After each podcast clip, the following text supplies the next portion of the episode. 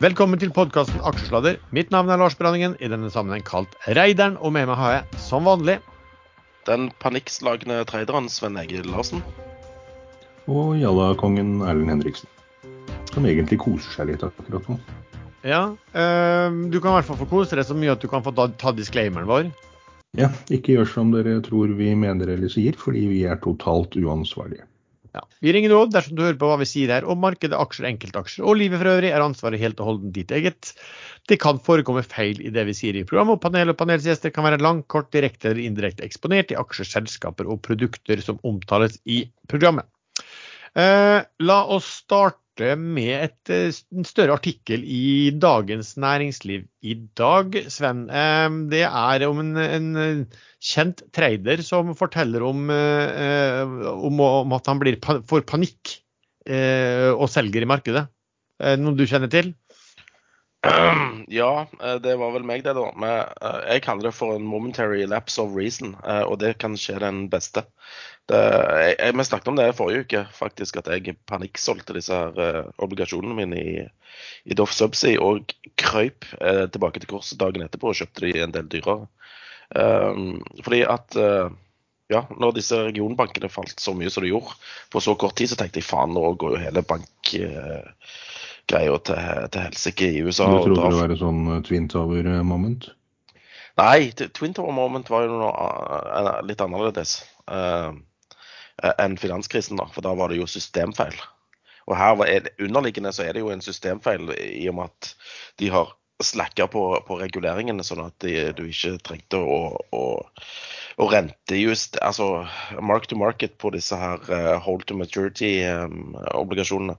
så det er jo en slags systemsvikt der òg, men, uh, men USA har jo sagt de skal, de skal hjelpe eh, med å garantere innskudd. Så jeg vet ikke hvordan dette, dette går. Men akkurat nå, nå i skrivende stund, eh, så eh, faller jo indeksene bredt. Oslo er nesten ned 3 Dagsen litt over 2 på fornya sånn bankfrykt. Oljeprisen går rett i dass. Så bra timing på den artikkelen. da. Sånn trader du i, i eh, opprørte tider. Selg alt, få panikk.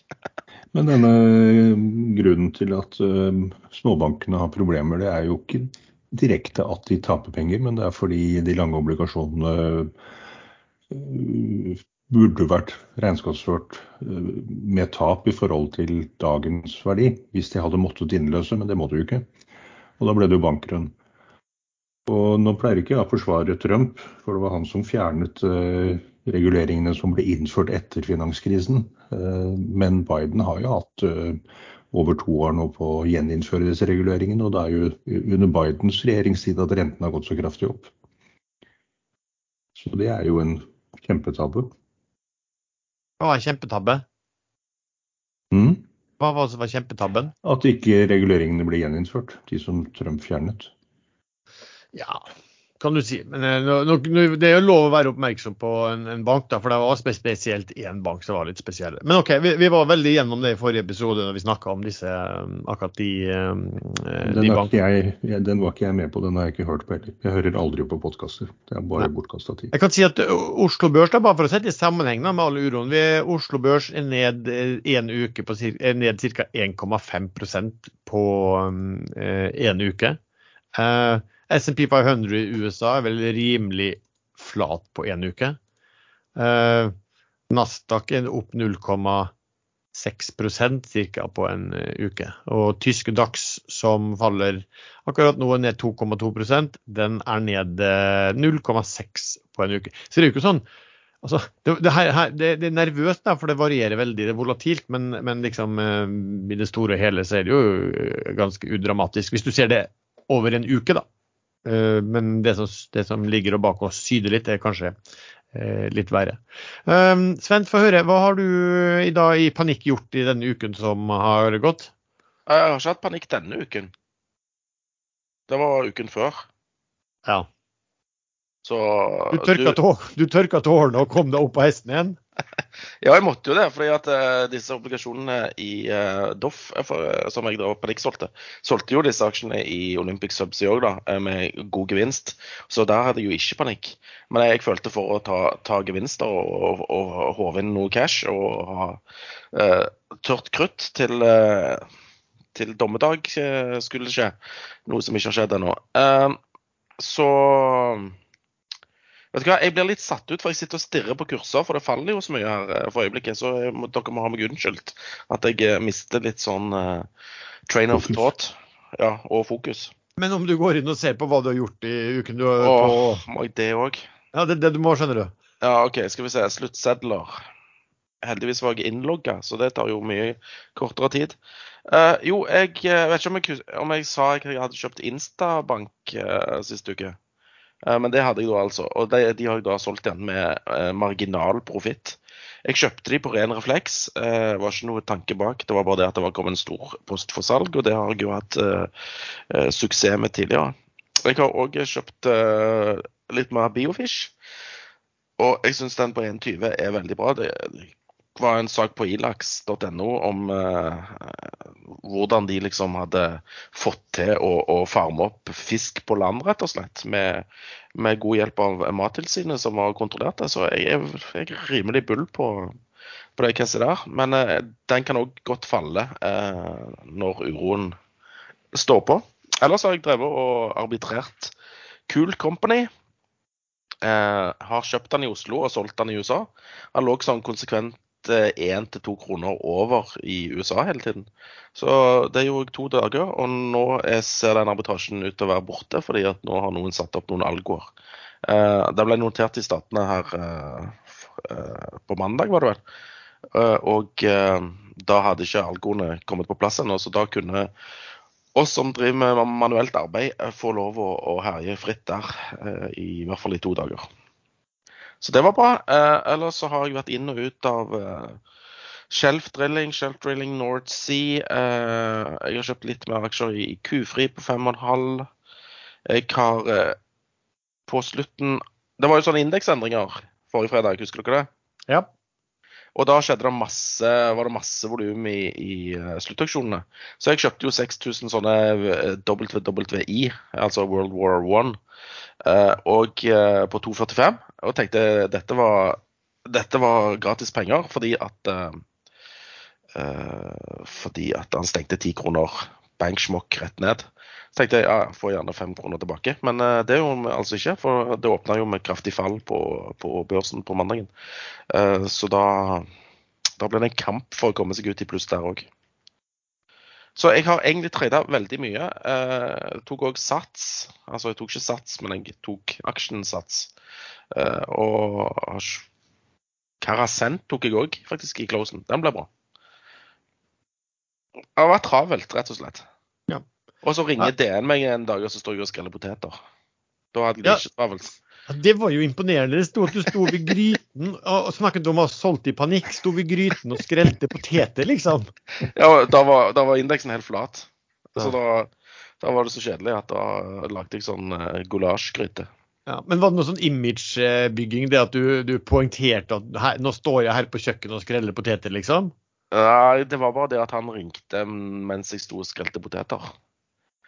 Det, DN, eh, eh, det har vært mye mas både fra DN og Finansavisen den siste tiden. Finansavisen eh, ville egentlig lage en slags sånn aksje-reality, et eller annet opplegg. Der liksom jeg skulle liksom vise porteføljen hver uke og alt dette her. Og det, det sa jeg nei til, for det, det føler jeg blir for ja, innpåslitent. Og jeg gjør jo Jeg driter meg jo ut av og til, jeg òg, så det er jo ikke vits å vise hvor uflink man er.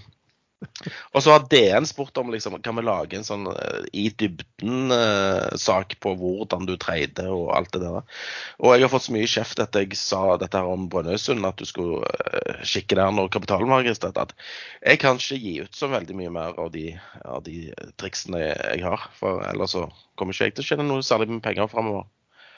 Så jeg har måttet sagt nei til det òg, men han maste seg til et vanlig intervju, da. Og jeg ser jo han klarte å lage ganske god suppe på de spikrene de ga han.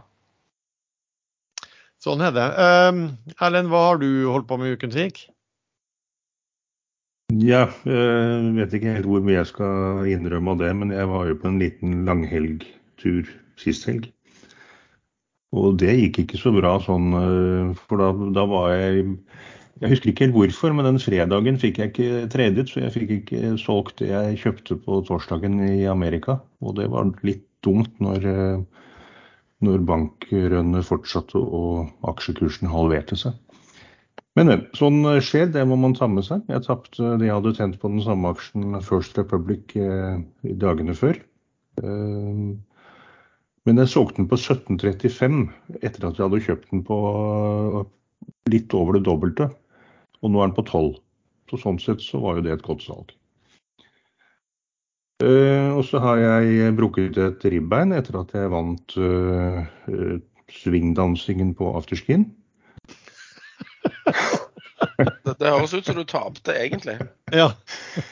nei, nei, jeg viste jo ikke det da. Men det var jo så vondt. Jeg, det var vondt med en gang, og så går det over. Og nå er det vondt. En uke etterpå. Men hva var det du krasja med? Nei, jeg krasja ikke. Jeg skulle bare ta en sånn som man gjorde i gamle dager. men... Eh, senke helt ned til gulvet og løfter opp og svinger rundt og hele pakka. Jeg kan jo dette her, faktisk. Eh, men det var ikke kroppen min helt bygget for lenger, fant jeg ut. Surprise, så det surprise. knakte til. Ja, ikke sant? Du får, du får, prøve deg på en sånn, eh, siden du er så god på sånn swing, så prøve deg på en sånn swing trade. Det kan jeg gjøre. Ja. Det er kanskje heller det som er min greie nå, ikke swing på danseklubber lenger. Men jeg har vært innom, innom GameStop denne Meme-aksjen borte i USA.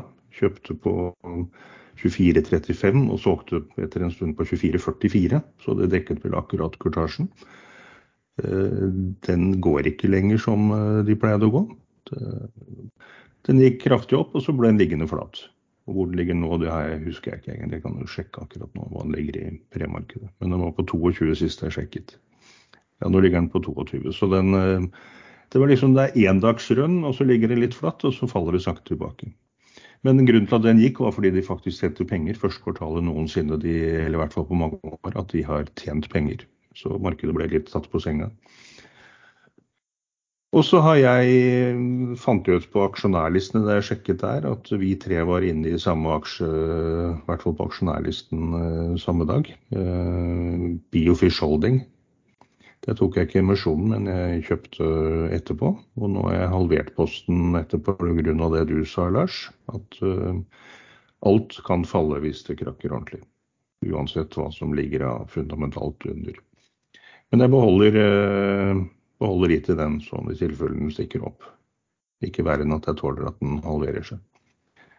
Og så har jeg kjøpt Alternus som jeg faktisk ikke har peiling på hva er. Jeg har visst det en gang, men det har jeg glemt fullstendig. Eh, men det er alltid morsomt å eie alt, som artikkelen. Ikke det, Sven syns ikke det. Jeg har dårlig erfaring med den alter, altermusen. Ja, For du satt i den dagen før det kom en grisemisjon eller et eller annet sånt? Nei, nei, nei. Jeg satt ikke, jeg satt ikke i den før. Jeg prøvde å trade den den dagen. Uh, de hadde sendt ut den nyheten på den obligasjonstikkeren og ikke på hovedtikkeren. Så jeg skjønte ikke hvorfor han falt så mye. Ja, akkurat den, for det var ikke noe emisjon i den. den nei, det kan jo komme. Så der har jeg egentlig bitte litt mer enn jeg liker hvis den plutselig kommer på én krone og en emisjon. Men uh, de må jo ha Men de sendte ut melding om at de uh, snart kommer til enighet med obligasjonseierne. Og da spørs det om obligasjonseierne bare utsetter avdrag og renter og disse greiene her, eller om de også krever at selskapet henter inn penger. Men det er jo ikke sikkert det blir en griseemisjon på én krone eller ti øre etter den. Hva tror dere? Det, det, det, er så vanskelig å si det. Hva som, eh, hva som skjer i en sånn en, er avhengig av hvilke enigheter de eventuelt får med ja, obligasjonseierne. Kan bli hva som helst. Bare kort, øh, jeg holder meg litt unna disse US-lokalbankene nå, for der er det det er så grunnleggende det problemet de sliter med. Eh, og gjelden sa plutselig, etter at eh, Powell hadde sagt noe annet i sin tall, så kommer hun ut et kvarter etterpå og sier at de ikke garanterer alle innskudd over 250 000 dollar. Og det er jo ingenting. Her er det jo firmaer som har mange titalls millioner dollar inni disse bankene. Eh, og da raste jo alt.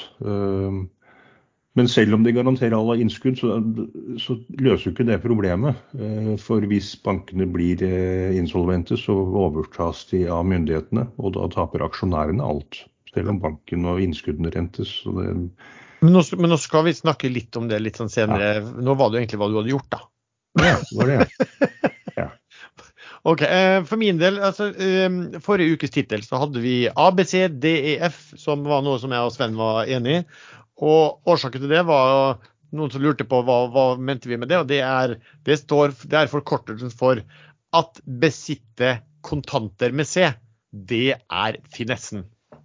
Eh, og det har vel egentlig holdt meg til i uken som eh, gikk også.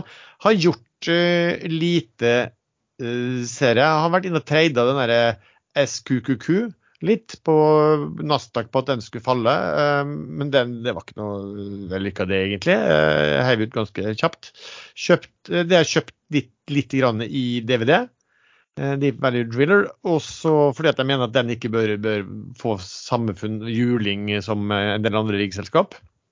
Og så kjøpte jeg i går Kvekk Custer, fordi de skulle komme med årsrapporten sin eh, ja, vel i går kveld eller i dag tidlig. Uh, og de, alle sitter og venter på at de skal komme med en eller annen sånn uh, enormt krav mot den canadiske stat, som sikkert får sånne store headlights. Så der kjøpte jeg litt, men ikke så mye. Uh, litt moro på oss der, bare for å se om kanskje at det kunne komme noe i forbindelse med med mm, årsregnskapet, men det gjorde vi ikke egentlig. Det var vel mer sånn at vi, vi, vi jobber med saken og ja, kommer tilbake til det. Så, den, så da har jo den falt eh, tilbake i dag. Men jeg har jo beholdt de i hvert fall sånn eh, inntil videre. Da. Men ellers eh, veldig stille. Man, man, blir jo frista når det begynner å falle sånn som nå, å se på hvor det kommer overreaksjoner. Men samtidig så vet man jo også at vi, vi husker jo fra tidligere tider at børsen er jo ikke så mye ned. Og hvis den skal begynne å falle, så, så er det tidlig. Så jeg tror OBX-en er vel ned 5 da, hittil i år. Det er jo heller ikke noe mye. Så, så uh, børsen kan selvfølgelig med uheldig utvikling på hva si, makrosiden og på oljepris og alt det, kan selvfølgelig eventuelt falle mye mer. Og da er det dumt å være altfor tidlig ute med å begynne å uh, plukke tilbake aksjer. OK, eh, Sven, har du, du noe? Du glemte å snakke om denne BV Ideol-traden, den som du har belært oss alle å skryte av i, i, et par dager nå. Men jeg har vel egentlig ikke skrytt så mye, for jeg har vel ikke handla den her. Det var derfor jeg, ikke, jeg har jo ikke gjort noen ting i denne uken som gikk, der, men jeg kan jo godt nevne den. Du, du må jo si at eh, du ble glad. Jeg ble, altså, jeg, jeg ble sur. Ja, det, det, det, er riktig. Jeg ble glad, og Sven ble sur. Det er kort. Altså, med video, det, han har jo snakket om det i hvert fall et par ganger før på aksjeladret, du kjøpte den. Eh, og det var et selskap som så veldig billig ut i forhold til prisbok, eh, men som eh, trengte cash for å, til disse vindkraftutbyggingene som, som de skulle være med på. Og så kom det nå melding om at de var gått inn i eksklusiv forhandling med et eh, fransk statsselskap som skulle inn med Eh, ganske ja, 100, inntil, I starten i hvert fall en 170 millioner eh, norske kroner. Og prisingen på det var mye, mye høyere enn eh, de bokførte verdiene til, til BV Ideol på akkurat de assetene. Altså de assetene var priset bokført i BV Ideol til 16 millioner euro, og, og den dealen ville prise til 55 millioner euro. Sånn at når BV Ideol hadde en bokført egenkapital fra før på 35 kroner, så ville den da matematisk kunne øke mot, opp mot 49 kroner. Så ja. Um, Men du sa aldri ifra at eh, de kom til å gå inn i et sånt joint venture, og at eh, det skulle komme en fransk statlig aktør og putte inn masse penger der, sånn at aksjekursen dobla seg? Det sa ikke du et pip om. Nei, jeg tar selvkritikk på det. Men jeg er ganske sikker på at jeg sa at uh, det der med emisjonsfrykten trengte ikke å bli så ille, fordi at dette selskapet hadde hvis man så på børsmeldingen, hadde de noen helt fantastiske partnere rundt på de prosjektene. Og de hadde antydet både at de kunne klare seg 2023 med lån, og at de hadde antydet at de kunne se seg om etter partnere på individuelle um, prosjekter. Men her kommer du en kjempeaktør som vil være med på hele den utviklingsporteføljen. Um, så det blir jo interessant å se. Jeg så nå at de kommer at de skal ha en call på ja, neste uke. En, en, presentasjon etter det som har skjedd. Um, veldig få som følger med det selskapet. Så Pareto hadde opprettholdt kursmål 55 på den. Jeg tror det Ja, vi får se. Først skal den dealen formelt sett gå gjennom. Da. Men, men, som sagt, ja Sven, jeg ble glad og registrerte da eh, at du ble litt mindre glad. Ja, fordi jeg satt jo og venta på en sånn uh, grisekriseemisjon på en krone. Eh, som jeg tenkte ja, jeg får heller bli med på den, og så taper Lars masse penger. Og så er alle fornøyd. Men eh, det skjedde jo ikke. Du, Nei, det- Sven, kan ikke du google ordet empati? Eh, OK, hva mener du? Nei, du, men alle ville blitt fornøyd hvis Lars hadde tatt masse penger. Det var det du egentlig sa. Ja, alle unntatt Lars, da. Å ja, det er bra. Da har du skjønt empati. Det er helt riktig. Nei, men, eh, men det, det kom en del meldinger før Sven, som tyda på at det her kanskje ikke var så eh, sto så ille til eh, likevel. Eh, men den kursen ble bare liggende stille. Den har jo falt fra Den gikk jo på børs på 47 kroner for to år siden og har falt ned til, ned til var nede på femtallet. Um, og da steg den nå til ja, hva er nå i dag? Den var nesten ned på Den var jo faktisk oppe i 13 i går. Nesten 14 også, før den falt tilbake i dag. I dag så så jeg at den var pent opp før børsen begynte å falle um, skikkelig. Men den er ned og, ja, den er opp 1,36% på 11,20 i kursen der nå.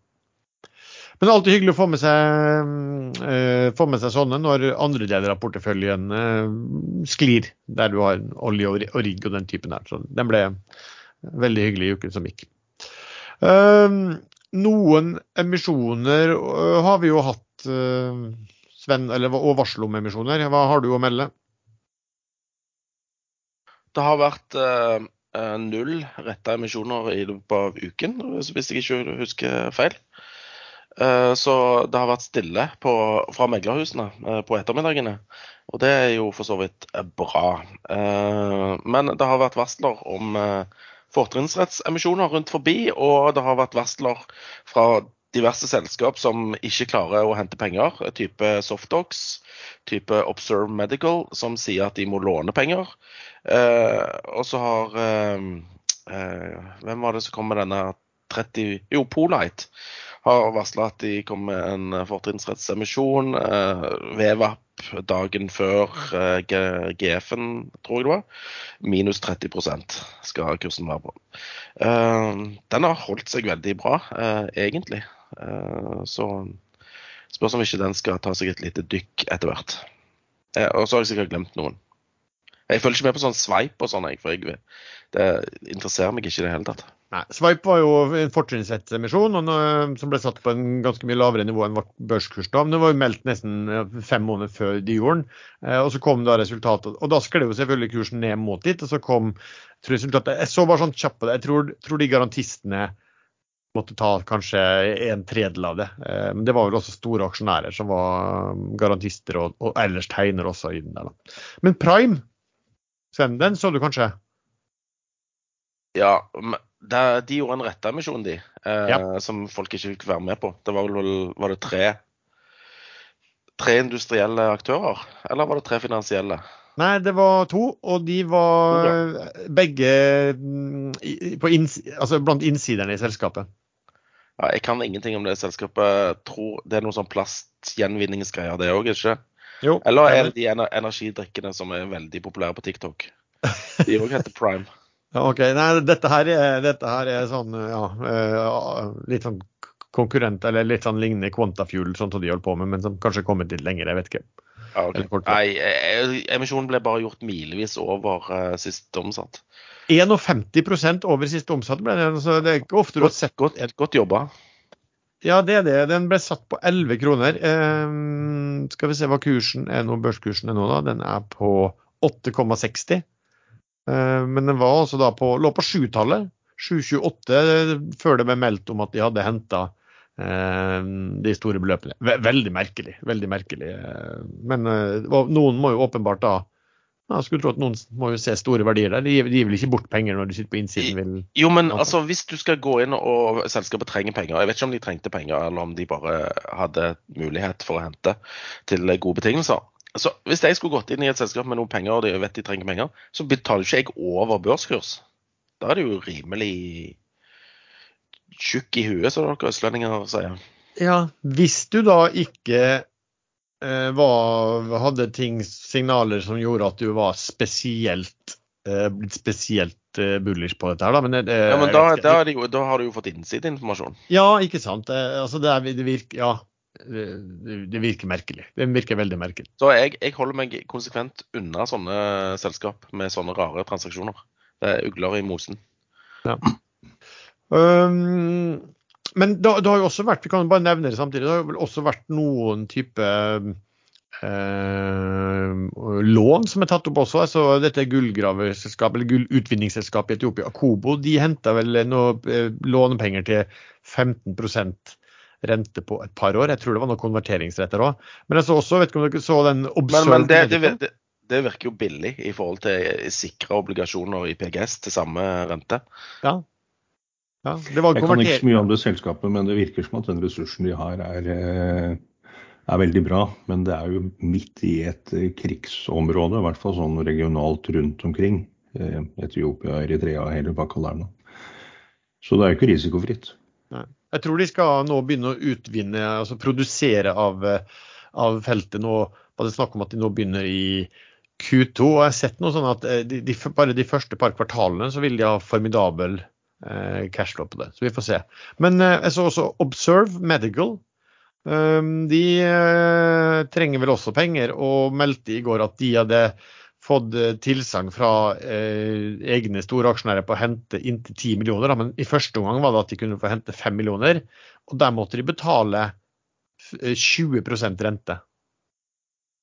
Um, og jeg tror det var slik også at selv altså Der var det vel en eller annen måte hvis de hentet inn penger, så måtte de pengene betales tilbake. Men selv om pengene betalt tilbake før tiden, så skulle, måtte de likevel betale 20 ut tiden. Altså i et år, eller hva det var. Tror jeg, tror det var ett år. Um, Geos, jeg vet ikke om vi nevnte også det, det der supply-selskapet, hadde vel også en sånn kortsiktig lån. Jeg, jeg tror de reelt sett måtte betalt opp mot 25 rente på, på, det, på det. Så ja, det, det er noen det er, Nå er det alternativer. Før var det the reasonable alternative, nå er det hva er det? There are reasonable alternatives. Det er vel det de snakker om, altså Tara. Nå er selgeren, tilbake i uh, Horisont uh, Energy her. De kommer jo òg med noen nyheter om dette Barents Blue-greiene sine, men nå selges det kraftig her. På 8,5. Ja, og da er det vel altså, eh, Det er vel disse State Street og um, Saga Pure som skal ut. Ja. Jeg jeg vet ikke om det er State Street, om det er QVT som har brukt og gjort sammen mye med Ispetalen færen før. Det, det var litt spesielt, for jeg så om det var i går eller en dag her, så så at de hadde solgt nøyaktig samme beløp. Altså antall aksjer på én dag. Eh, Da, kanskje de har en stilltiende avtale om at de skal selge like mye. Ja, Det var det jeg tenkte på. Da selger de eh, sammen, og det betyr, hvis man gjør det sånn, så betyr det gjerne at da selger vi oss tom. Men eh, når vi er inne på dette med, med store selgere eh, Denne her eh, Hva søren var det den heter nå igjen? Kyoto.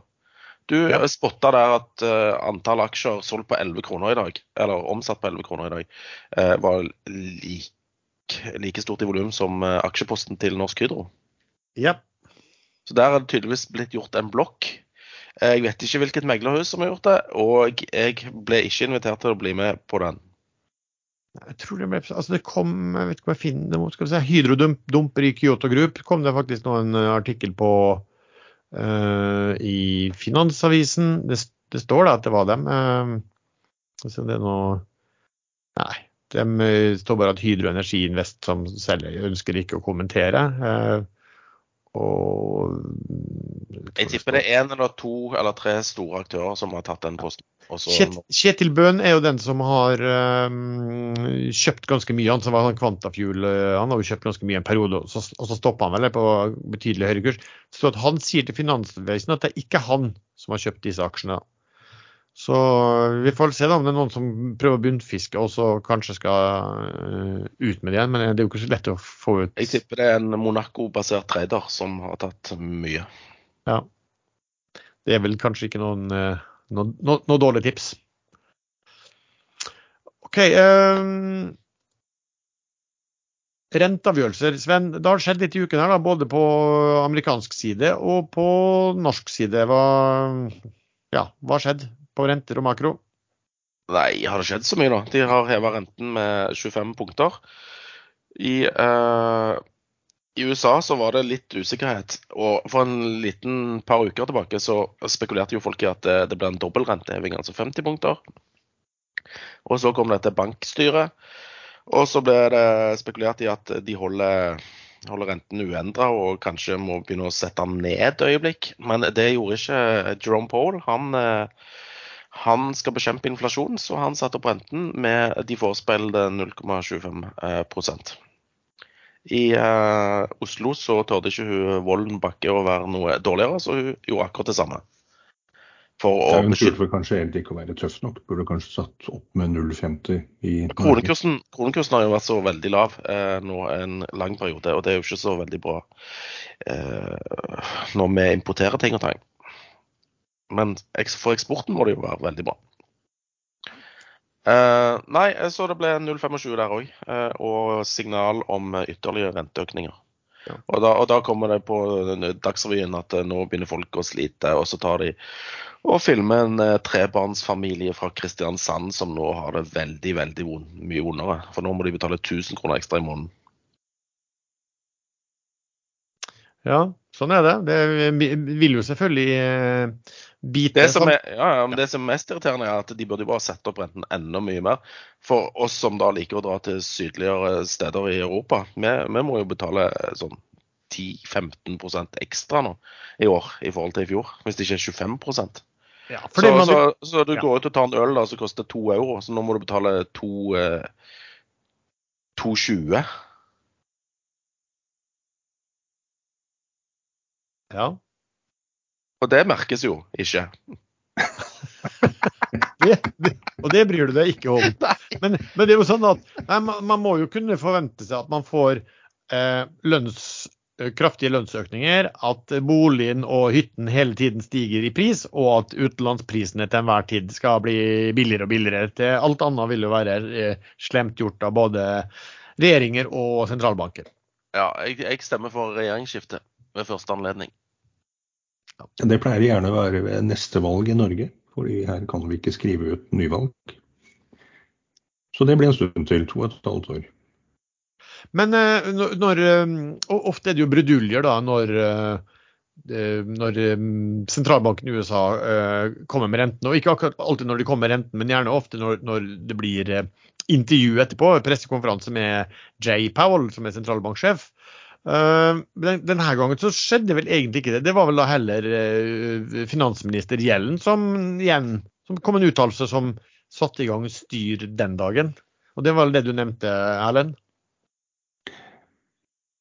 Ja, Powell uh, hadde vel mer eller mindre signalisert at alle deposits ville bli garantert. Men så kommer hun ut og sier at det, det skal de se an fra gang til gang. Og det var ikke, absolutt ikke garantert. Og da da raste jo alle bankaksjene igjen. Eh, så denne sånn mixed uttalelser fra sentralbanksjefen og finansministeren, det, det, det, er jo absolutt ikke heldig. Det er, så, det er så utrolig at det kan skje at man nesten kunne tro at de hadde planlagt det. For Powell vil jo egentlig ha hele aksjemarkedet ned og ta bort litt Ja, nå husker jeg ikke sammenhengen der i farten. Men jeg, jeg, ja, jeg er enig. Ja. Jeg så, på, jeg så på den pressekonferansen til uh, Paul, da, eller spørsmål og svar-runden. Han virket ikke veldig lei seg for at uh, noen banker hadde gått over ende. Nei, jeg så en høring i Kongressen hvor han måtte svare på om, uh, om det var sentralbankens mål å få opp arbeidsløsheten. Og det kunne han jo ikke si, men det er jo det det er. Ja, de må ha ned altså, ja, ikke sant? De vil, ha, de vil i hvert fall ned etterspørselen, og det har jo, har jo en viss sammenheng. Ja, de må ha høyere arbeidsløshet for ikke å få lønnspress uh, som vil forsterke inflasjonen. Så, så det er målet. Uh, og da kan man derfor jeg lurer på om ikke gjelden hadde fått beskjed om at uh, gjør det der, vi trenger litt oppstuss i markedet. Nedstuss. Ja. Um, forrige episode så snakket vi da om at det var problemer knyttet til Credit Suisse og alt dette her. Og det som skjedde i helgen, var jo da at eh, strengt tatt så ble jo da Credit Suisse eh, tvangsovertatt eh, av eh, UBS, altså Unibank Bank of Switzerland, sveitsisk aktør, som eh, fikk kjøpe Etter det jeg kunne regne, så kjøpte de, de også Credit Suisse basert på prisbok eh, sånn ca. 0,05, eller noe sånt, samt at de fikk store likviditetslån fra sentralbanken, eller garanterte det, og at den sveitsiske stat skulle dekke enkelte tap oppimot 10 milliarder dollar. Hva, hva, hva, tenkte du når du så den transaksjonen, Sven? Jeg tenkte at noen satt nede i Saudi-Arabia og banna. Uh, Saudi-fondene som hadde gått inn for noen måneder siden, de tapte jo ja, 90 95% av pengene sine på et par måneder. Så det var jo sikkert ikke så velkomment der. Men eh, nei, jeg tenkte jo at uh, dette er et krav fra myndighetene om at uh, noen må ta over uh, banken, for ellers blir han nasjonalisert. Og det kommer jo sånn nyheter gjennom helgen som, der det ene sa at UBS holdt på hadde bydd på banken. de hadde bydd en tredjedel lav, altså to tredjedeler lavere enn det som ble den prisen til slutt. Og så kom uh, Credit Suisse uh, på banen og sa nei, de var ikke helt happy med det budet som forelå. Så kom den sveitsiske nasjonalbanken med at uh, det er mulig at vi går for en nasjonalisering av Credit Suisse istedenfor. Og da ble budet litt høyere etter hvert, og så fikk UBS kjøpe. Enten har de gjort en kjempedeal, eller så har de dritt på draget. Men det vet vi ikke ennå. Nå kom det jo melding i går var det vel, at UBS og Credit Suisse etterforskes for Jeg husker ikke hva det ble etterforsket for, men det var noe alvorlige greier. Det var ikke noe russ... Eh, sanksjoner? Jo, brudd på sanksjoner? Ja, brudd på sanksjoner, ja. Jeg tror vel at jeg tror vel at Credit Suisse det var en sånn oversikt over hvor mye bøter de hadde fått liksom, hvert år siden 2008. Liksom. Det, det, det, var gjerne kjempebøter hvert år. Så det virker som å være en, nesten en del av forretnings, eh, normale forretningsdriften. da. Men dette er jo, som du ser ut, kanskje bare toppen av isfjellet. Deutsche Bank eh, sliter voldsomt nå, kursen går kraftig ned. Og grunnen er jo veldig mye av det samme som Credit Suisse, at de har operert på kanten av eh, loven hele tiden, langt over kanten nå. Det er vel et par-tre år siden de, Deutsche Bank måtte gå ut og innrømme at de hadde hvitvasket penger, og skjønte at dette ville koste dem dyrt, og at uh, aksjekursen ville bli berørt av det. De har ikke forbedret seg, det er det verste. Så der, eh, Den gangen gikk det rykter om at uh, tyske staten presset på for å fusjonere uh, Deutsche Bank med en av de andre store bankene. Uh, den gangen var vel Deutsche Bank veldig mye større enn de andre, men etter kursfallet så er de nå litt over dobbelt så store, eller etter dagens fall kanskje bare dobbelt så store som Commerzbank. Og det var den banken som ble nevnt eh, forrige gang som mulig fusjonspartner. Men Commerzbank er en veldrevet sunn bank med gode holdninger, så de hadde ikke lyst den gangen, men de kan jo bli presset. Ja, hvis staten gir gode nok garantier. Altså Jeg satt og så på eh, i helgen da når dette her skjedde, på, litt på Junior Bank of Switzerland, som, altså, som da var prisa til litt over bok. Eh, og så får de altså kjøpe eh, kreditis til 0,05 ganger bok. Eh, og på Den var vel litt over 18 euro eller dollar, ja i hvert fall 18, den børskursen på, på UBS. 18 dollar. Og den falt i prehandelen på mandag til var vel på 16 eller noe sånt. Jeg fulgte ikke godt nok med, dessverre. fordi at altså når jeg så det skjedde, så tenkte jeg at det kan godt være at UBS gjør en helt fantastisk deal her. Eh, de har, eh, jeg vil jo tippe at de eh, selger seg dyrt, fordi at staten ber dem innstendig om å overta dette her. Så, de, så jeg vil jo tro at de har hatt gode forhandlingskort. Men samtidig har du jo dårlig tid på å gå gjennom alt hva som måtte ligge av lik i Credit. Og når man ser hvordan Credit Suisse var prisa kontra sin bokført verdi, så, så innebar jo det at markedet trodde at det lå en del bomber da.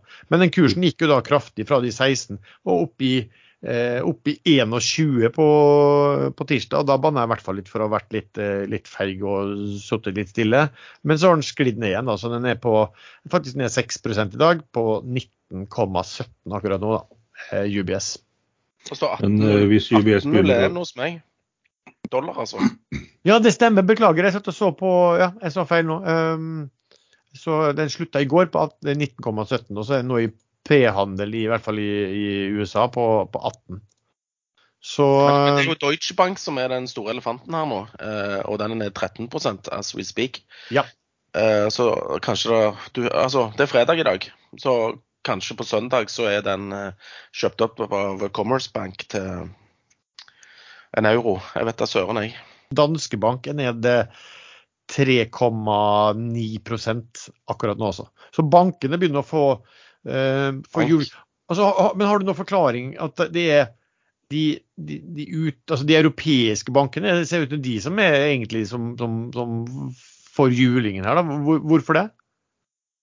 Nei, både Credit Suisse og Deutsche Bank har en vanvittig stor eh, derivatbok som ikke vet verdien på, og vet ikke om de vet det sjøl.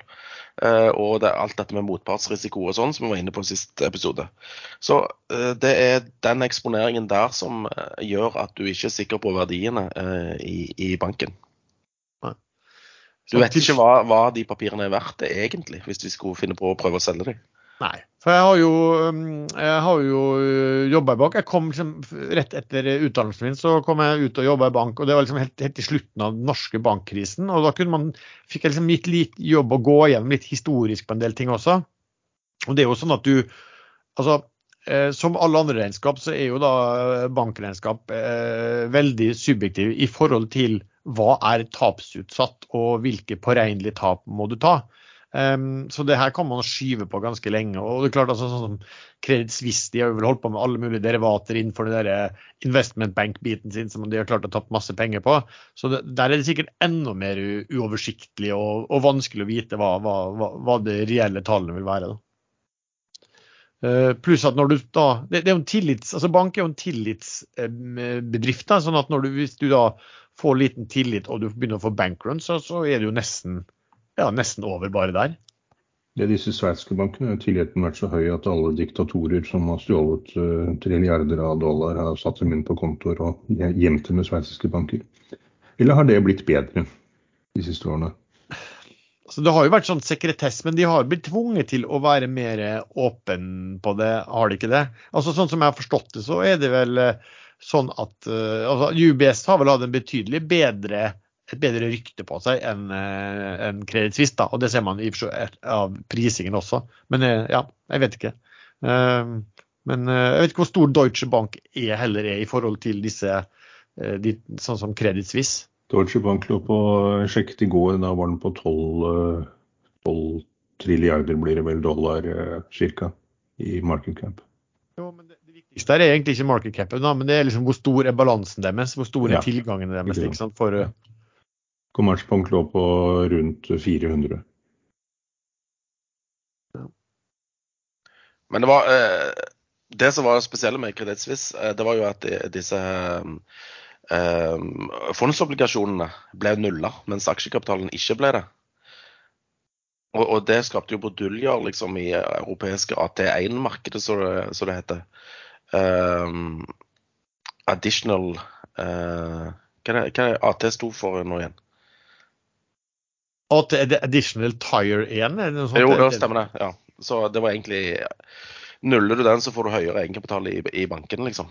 Ja, men Kan ikke du forklare hva, hva disse fondsobligasjonene og liksom bråket der er, hva det er for noe? ting? Jeg, jeg tror ikke jeg er verdens beste til å forklare det. Men det, de kan uh, i krisetider, altså si du, du bryter noen lånevilkår eller egenkapitalandelen din er for lav eller noe, så kan de fondsobligasjonene, altså AT1-obligasjonene, de kan gjøres om til eh, egenkapital, altså konverteres. Eller de kan i ekstreme tilfeller, og dette var det som var tilfellet med Credit de kan rett og slett nulles fordi de har det i avtalen. Faller egenkapitalen og under et visst nivå, så kan eh, de nulles med et pennestrøk.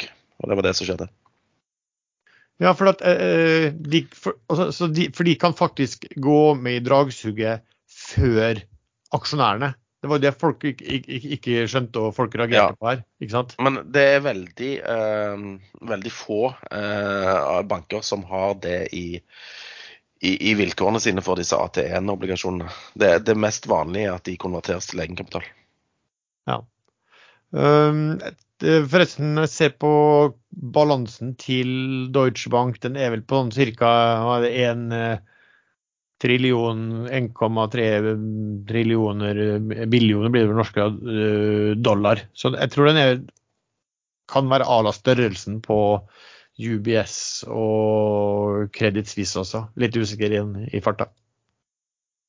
Men, eh, men det fikk vel følger for, vi fikk ikke følger for disse norske fondsobligasjonene, i hvert fall en kortere periode. og Jeg vet ikke om det, hvordan de har utviklet seg, Sven? Jo, eh, kursene eh, i de nordiske falt plutselig fra rundt 100, eller litt over 100, til eh, rundt 80-90 eh, indikert. Eh, jeg får noen mailer fra, fra obligasjonsmegler eh, Løkken i DNB, som er veldig flink til å oppdatere på fondsobligasjoner. Og han sa at, eller skrev at det, det ble gjort veldig få, eller veldig lite volumer på eh, lave kurser. Så det varte en dag liksom før ting begynte å normalisere seg. Eh, og han har akkurat sendt ut en mail her nå, og da indikeres obligasjonene rundt eh, pari, altså 100. Ja.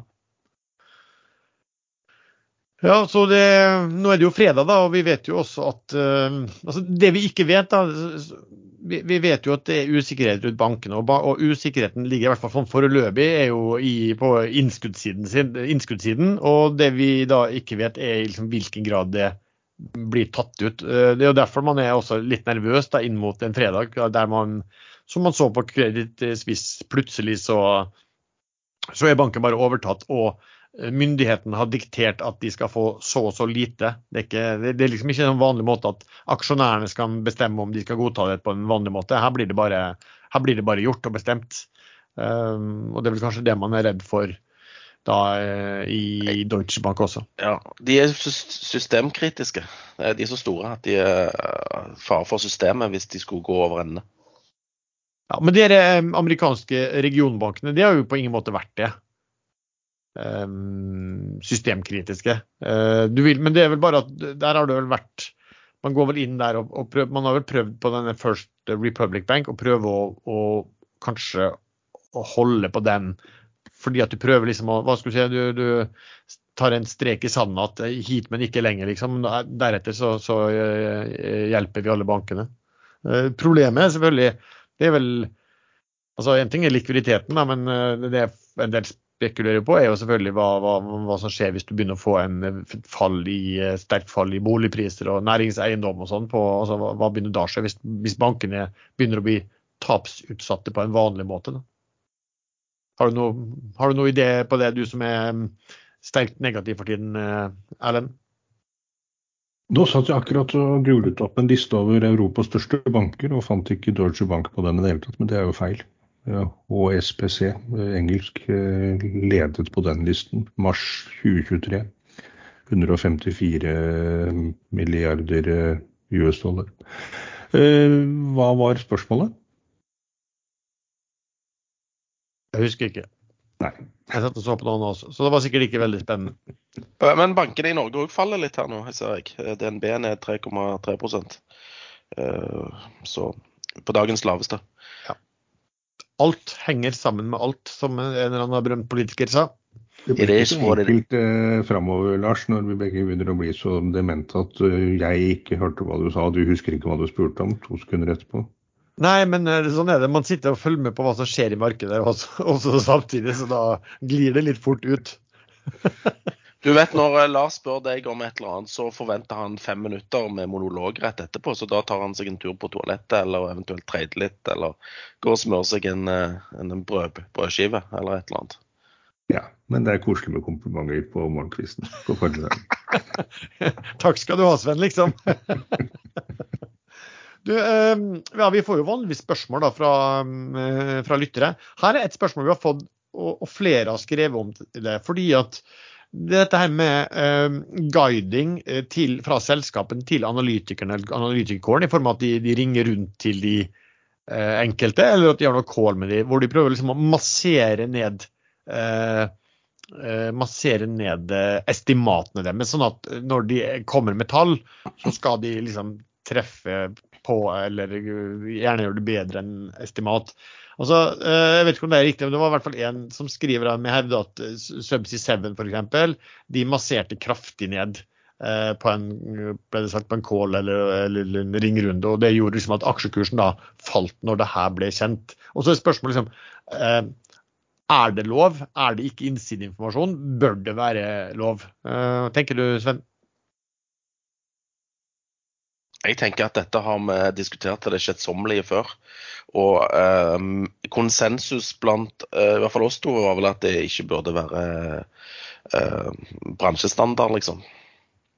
Problemet blir ikke hvis uh, myglerhusene får den informasjonen i forkant, men problemet er hvis de deler den med sine beste kunder. Som Herman Ruud var inne på i går i Finansavisens TV-sending.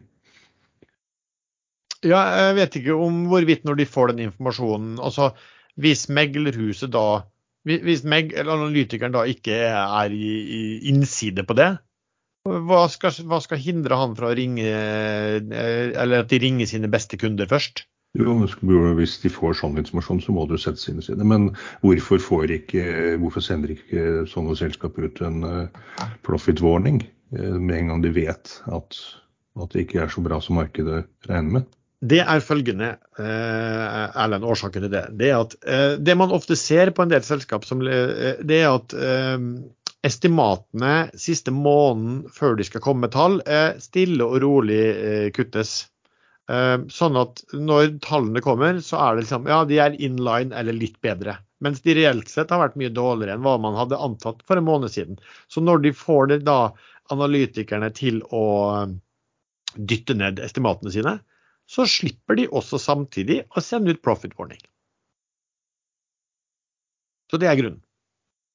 Kaldt og kynisk. Eh, og sånn sett, Sven, jeg er helt enig. Det, det burde jo absolutt ikke vært lov. Det, det, jo, du gir jo kursdrivende informasjon til noen andre. og, og Uh, ja, uh, Det er jo helt åpenbart liksom, at Finanstilsynet burde altså de, de burde bare gi klar beskjed om at uh, det, det, det, er deling av innsideinformasjon, og det har den og den straffen. Så får man jo en enkel slutt på det. Men det er ganske fiffig system, da, fordi at analytikerne tar jo da ned estimatene sine, eller opp.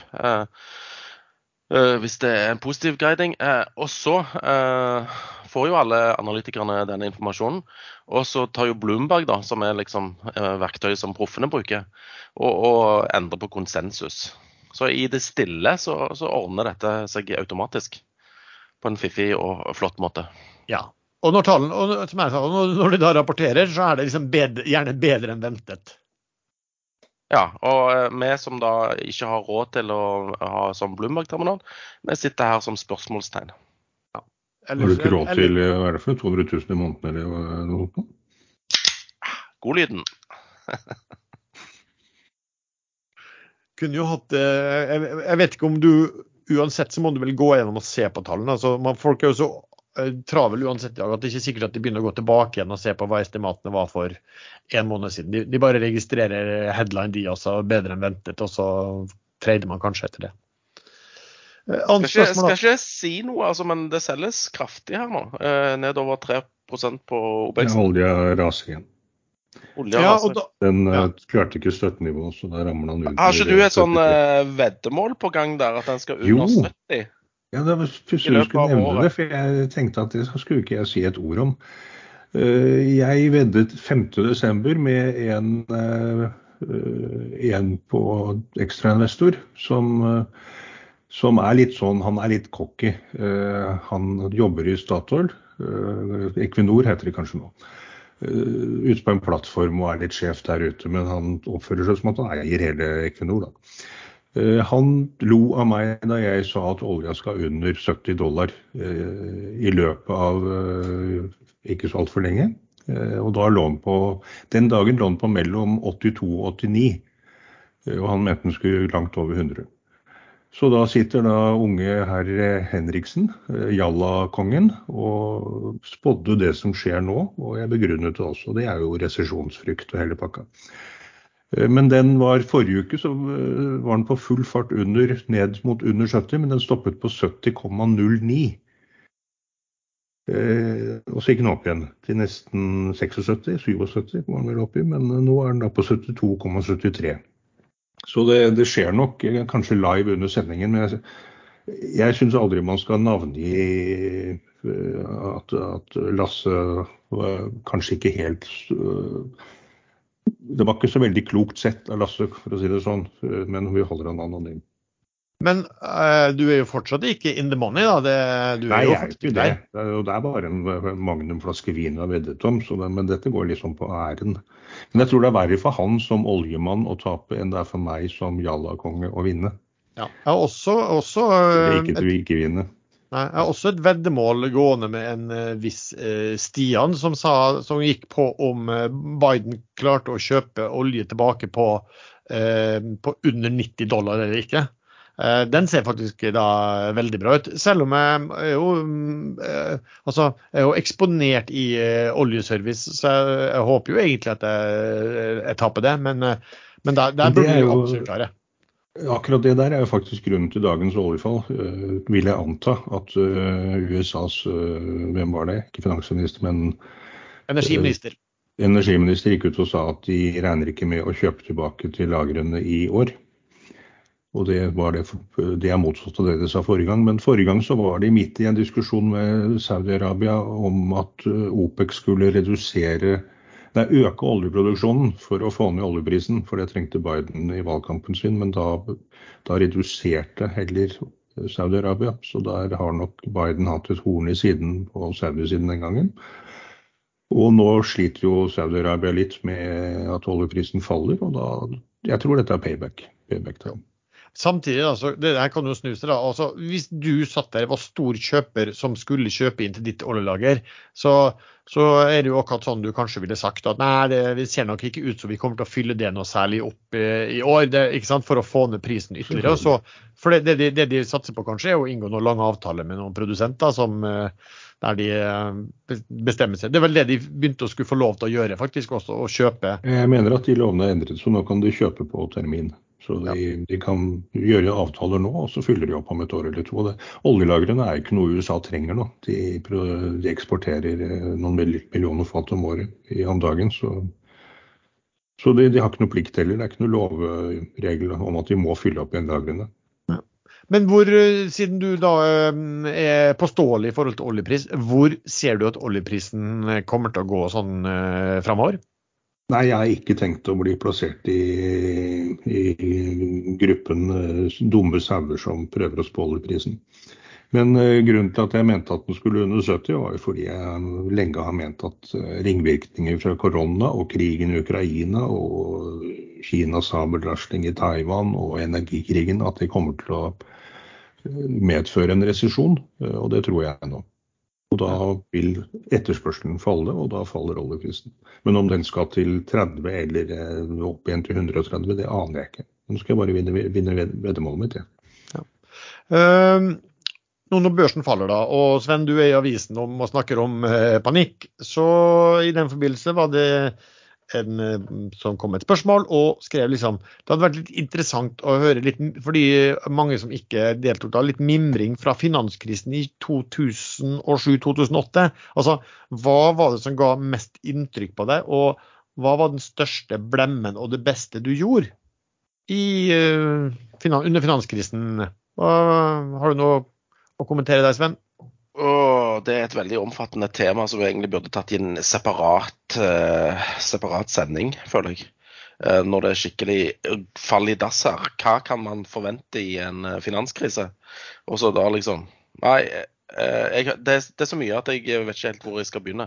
Men det som jeg husker best, da, det, det er at eh, eh, Altså, eiendomsprisene det, det, var jo det som var problemet. Så det var jo subprime som gikk over ende. Folk hadde fått altfor mye lån til å, til å kjøpe eiendom for, og folk kjøpte jo både én og to og tre huser som de leide ut. Og så eh, klarte de ikke å betale tilbake lånet, og så sank jo eiendomsprisene som en stein. Og jeg husker spesielt Las Vegas. Eh, alle hoteller, eh, alt som hadde med gambling og, og eiendomsverdier der, gikk jo skikkelig i dass. Eh, og du kunne få disse her eh, MGM og Las Vegas Sands-aksjene til nesten null. Og så tenkte du ja, hva skal de gjøre med Las Vegas? Skal de bare lage, lage om til parkeringsplass, liksom? For det, det, var, det så så dystert ut eh, framover. Og jeg husker jeg treida masse i disse her uh, gamblingaksjene. Uh, og, og, jeg husker ikke om jeg tjente penger eller ikke, men etter finanskrisen uh, så steg det jo fra 1 dollar opp til 90 til 100 dollar igjen. Så du kunne gjort 100-gangen der med å bare hatt is i magen og trodd at ting ikke gikk rett i dass. Så Det er noe av det jeg husker best. Og så husker jeg alltid at eh, det er ikke krise før du kan kjøpe RCL på 45 kroner. Det er ikke RCL. RCL er jo ikke notert i Oslo lenger, men den er notert i USA. Eh, og får du den på 45 kroner, da er det bare å kjøpe. Uh, men hva, hva, hva, kan du huske det, den største blemmen du gjorde, og det beste du gjorde, da? Uh, største blemmen jeg gjorde, var å ikke sitte lenger på de aksjene som jeg kjøpte. Jeg, putt, jeg hadde mindre penger på den tiden, men jeg tok én million og uh, tok fire solide amerikanske selskap. Putta 250 000 kroner i hver. Uh, det var type sånn Doe Chemical og altså sånne solide amerikanske industriselskap. Eh, og eh, kortsiktig som jeg er, så solgte jo de altfor tidlig. De firedobla seg fra bunn. Så der, eh, det, det er vel den største blemmen jeg gjorde. Ellers så tjente jeg graps med penger under finanskrisen, i motsetning til mange andre som tapte veldig mye. For, uh, men uh, uh, en annen ting som jeg husker, er at jeg er veldig sånn at faller noe veldig mye, så kjøper jeg det og forventer en rekyl. det som skjedde i finanskrisen, var at rekylene uteble. Det, det, var ikke et veldig vanlig marked, så du måtte veldig fort endre strategi der. Ellers hadde du Ellers hadde jeg tapt masse penger, og det gjorde jeg heldigvis ikke. Erlend, du da, hva, hva, hva, ga, hva ga, mest inntrykk, og gjorde du noe spesielt bra eller dårlig under finanskrisen? Nei, min historie er litt annerledes, for jeg begynte ikke på børsen før, eh, før rett før det smalt. Um, og da var jeg veldig forsiktig og tok bare bankersaksjer. Så jeg kjøpte Funcom helt på topp, og sakte da den hadde halvert seg. Og da var jeg litt brennmarked, så jeg satt og fulgte med på alt som falt. Og så kjøpte jeg London Mining og fikk en tredobling i den. Så jeg gjorde egentlig nesten ingenting under finanskrisen. Ja. Men, du var jo også inne i London Mining. Ja, jeg skulle til å si det at uh, faktisk, når jeg begynte å tenke på det beste jeg gjorde da, så var det faktisk London Mining. For vi to traff hverandre egentlig via et uh, forum før Ekstrainvestor den tiden der, og skrev, husker ja. du det? Ikke sant, på grunn av den aksjen. Ja, på grunn av vi, så, du hadde din begrunnelse, og jeg hadde min begrunnelse. Så, ja, så vi, vi det pleier ofte ikke å stemme, da. Ja, sånn... nå, nå, ble det nesten romantisk, men dere må jo fortelle også at når dere var inne i den London Mining, så var jo, eh, møttes dere jo hyppig på den London pub òg. Eh, og diskutere caser. Det ble vi enige om før sendingen at du ikke skulle si, Sven. Jeg syns dere bør utdype og litt og, og, og, og, og fortelle. Olja, olja ned på ny lodd for dagen. Low of day. 72-32. London pub var det stikkordet, ikke lodd. Men London eh, Mining, da, den, den, det interessante med den var jo Og det er også litt å se bunnen, da. Det var jo, jeg tror de kjøpte den på 0,3 ganger nettcash. Eller noe sånt, og da hadde de en, eh, en sånn mining-tilgang eh, eh, klar for utbygging i, i tillegg. Um, også, det, det som gjorde mest inntrykk på, på finanskrisen, det var, var spesielt én dag husker jeg, under finanskrisen det, det, var en dag hvor nesten altså alt som var bluechip-selskap, de meldte om finansieringsproblemer. Og det var jo gjerne sånn at altså, Mange av disse her har jo da kortsiktige de, de har kortsiktige lån, så de finansierer seg via gjeldsinstrumenter over kortere tid. Og det alt frøys. Så plutselig så hadde de ikke tilgang på de eh, pengene som de normalt sett eh, fløy rundt. De som hadde penger, de satt på de, og de som trengte penger, de fikk det ikke uansett hvor, eh, hvor eh, bra det var. Så det var noen dager hvor liksom alt av toppselskap meldte, og børsen stupte. og du måtte, altså det, det, det, kom så mye meldinger at jeg husker jeg sa til kona mi etterpå at, at, den dagen i dag der skjedde det mer, det kom mer viktige meldinger på én dag enn det ellers gjør på et år. Uh, samme det.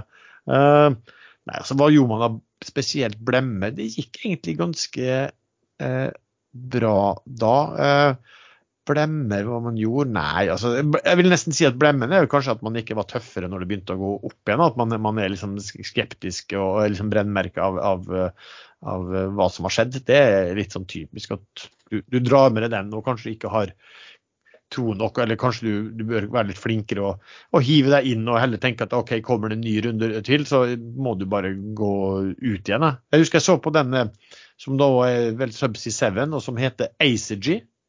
Eh, i sin tid, den var jo priser. Den var jo helt latterlig priser. Det var også en av de tingene jeg tenkte etterpå at du ikke kjøpte mer av den. Men likevel, du, du kjøpte jo litt, og så kom det masse sånne engelske hedgefond som var, eh, ikke hadde penger, som var nødt til å skaffe penger. og de solgte jo bare, Det ble bare solgt alt, liksom. Uansett hvor billig det var, det ble solgt. Sånn var det. Jo, men også den oppgangen som kom etter finanskrisen, da, den var jo kunstig pga. Uh, sentralbankene, som bare pøste inn uh, ny kapital i, i markedet. Så, jo, men kunstig og kunstig, må jo forholde seg til det som skjer. Ja, don't fight the Fed, liksom. Men jeg var jo skeptisk helt, helt fram til i fjor, når de begynte å, å, faktisk prøve å fikse opp i dette. her. Så det har jo vært en ekspansjon av pengepolitikken siden 2009. Eh, og det er jo det mest forhatte rallyet som har vært i aksjemarkedet. Og jeg, jeg klarte aldri å hoppe på 100% liksom, og bare, være, og bare flytte med. Nei, de, de trykka jo penger opp, og så trodde du kanskje at de skulle trekke inn. De fortsatte jo bare å trykke penger. Ja, ja, ja. Det har de bare, det har de bare fortsatt med. Det er litt interessant. Nå, så, så nå, nå, har det jo eh, vært en del måneder hvor de eh, Fed har jo satt i gang en sånn quantitative tightening, altså dvs. Si å redusere balansen. Eh, men nå hadde på var det på en uke eller et eller annet, så hadde de nesten eh, økt igjen med alt det de hittil hadde kutta med. Eh, og det er vel sikkert fordi at da har de tatt imot statsobligasjoner fra, som er banken eier, og så har de gitt dem lån. Vel, jeg regner med det som er årsaken til at den balansen har Fed sa vel i går at du skulle fortsette å? Uh, ja, men samtidig altså, du, du, gjør jo begge deler. da, for Hvis du sier til bankene at alle bankene kan ta sine statsobligasjoner, uh, og de skal få pantsette dem hos oss, og de skal få ut penger tilsvarende uh, pålyden. Altså, du får mer enn hva det er verdt i markedet tilbake. Men det er jo et lån, da. Eh, likevel. Men det innebærer jo da at du eh, dytter nye penger ut i markedet. Så, så det blir litt sånn du, du gjør en krisekvantitiv easing knytta til altså bankrunnet, eh, samtidig som du sier at du skal holde på med quantitative tightening, som blir litt spesiell. Men det jeg selv har skjønt nå, at ikke jeg har hatt så helt klart for meg i forbindelse med min eh, oppfatning om at det blir en resesjon, det er jo renteøkningene som medfører at alle som har levd veldig godt på veldig lave renter og kjøpt eh, både 2 og 10 og 15 utleieboliger, og, og firmaer som har uh, hatt høy gjeld og nå må refinansiere. Det er visstnok veldig mye gjeld som er næringseiendomsgjeld som forfaller nå i, i, i år. Uh, I Norge og Sverige har jeg hørt at dette er ikke noe sånn problem. Folk sitter med penger og har vært forsiktige, og det går bra. Men i USA så er det ikke sikkert at det gjelder. Kanskje heller ikke i Europa. Så det er, det er, noen bomber som kan smelle der når ting skal refinansieres og de var vant til nullrenter og nå må opp i veldig, veldig mye mer. Ja. Det er ikke, altså, øk, øk, økt rente vil jo isolert sett eh, eh medføre at prisen skal ned på, eh, hva skal si, på, på, på tilganger, da, som, som eh, eiendom og aksjemarkedet. Altså alt annet like. Ja, hvis, det da, eh, hvis firmaer og eh, de som eier veldig mange utleieleiligheter ikke klarer dette, så, så kommer alt dette plutselig ut på markedet. Eh, det vil forsterke bankproblemene i USA og Europa. Deutsche Bank har vel også noen store porteføljer i eiendom. Så det, det er litt skumle tider akkurat nå. Det er ikke nå man skal gå all in og gire investeringene sine. Nei. Uh, skal vi se, annet spørsmål her. Uh, ja, det, det, er vel litt sånn gambling, kanskje litt morsomt. Men hvilken uh, enkeltaksje på Oslo Børs tror du gjør det best de neste seks månedene? Det må jo være Harmony Chain. Jeg tipper på, tipper på DLTX.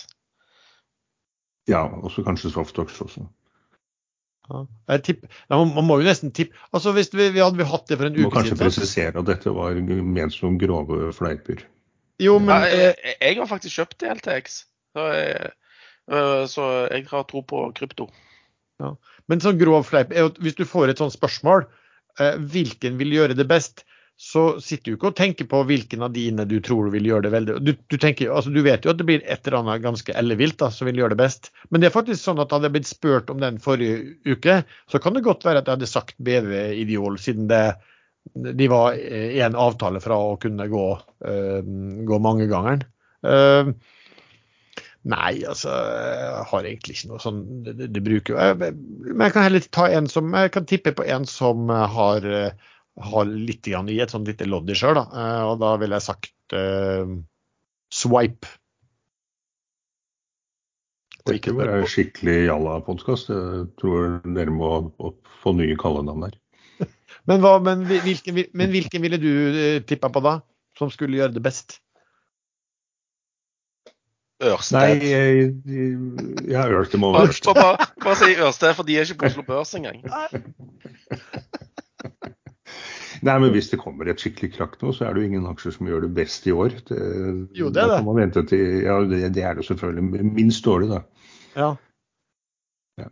Nei, men eh, var, jeg så det var et spørsmål i, i aksjesladderkanalen med Apex Landvest hvor folk kan spørre om hva vi snakker om. Da var det en som nevnte Desert Control. Og de har jo faktisk pøst ut noen meldinger nå i mars, eh, veldig positive. De har fått eh, både godkjent produktet og de har fått nye avtaler og osv., men kursen går ikke opp.